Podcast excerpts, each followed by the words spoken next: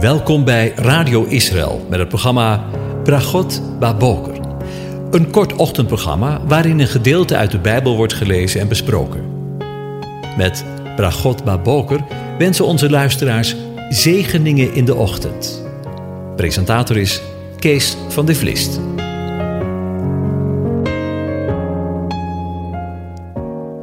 Goedemorgen luisteraars. Vanmorgen denken we na in deze zesde aflevering over de geboorte van de Heer Jezus. Vandaag denken we na over de kribbe. Het woord voor kribbe komt drie keer voor in Lucas.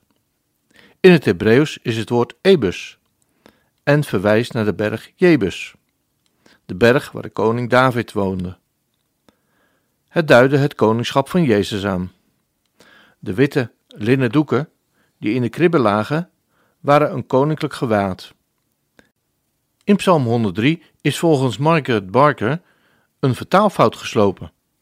Zij komt tot de conclusie dat de tekst niet moet zijn: Uit de schoot van de dageraad komt u de dauw van uw jeugd. Maar op de dag van je geboorte geeft je moeder je een prachtig gewaad van de heilige. De moeder in de hemel, de wijsheid, bekleedde haar kind met een glorieus tempelkleed.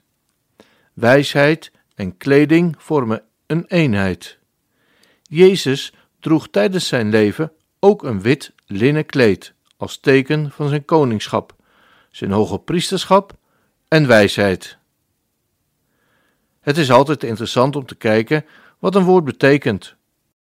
Zo lezen we in dit overbekende vers dat Maria haar kind Jezus in een kribbe legt.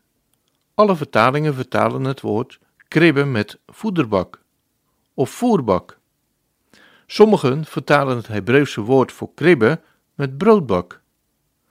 Als dat waar is, opent dat een deur naar allerlei symboliek. Bethlehem betekent al broodhuis. Jezus noemt dus zichzelf later het brood des levens en het brood dat uit de hemel is nedergedaald. En via het brood van het laatste avondmaal is er met kerst dan al ongeveer een verwijzing naar Goede Vrijdag.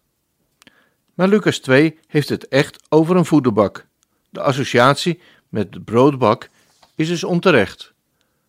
Maar gelukkig blijft er genoeg voedsel over voor mensen wanneer het in Lucas 2 slechts gaat over een lege voederbak voor dieren waarin de verlosser gelegd werd. Ik wens u een van God gezegende dag toe.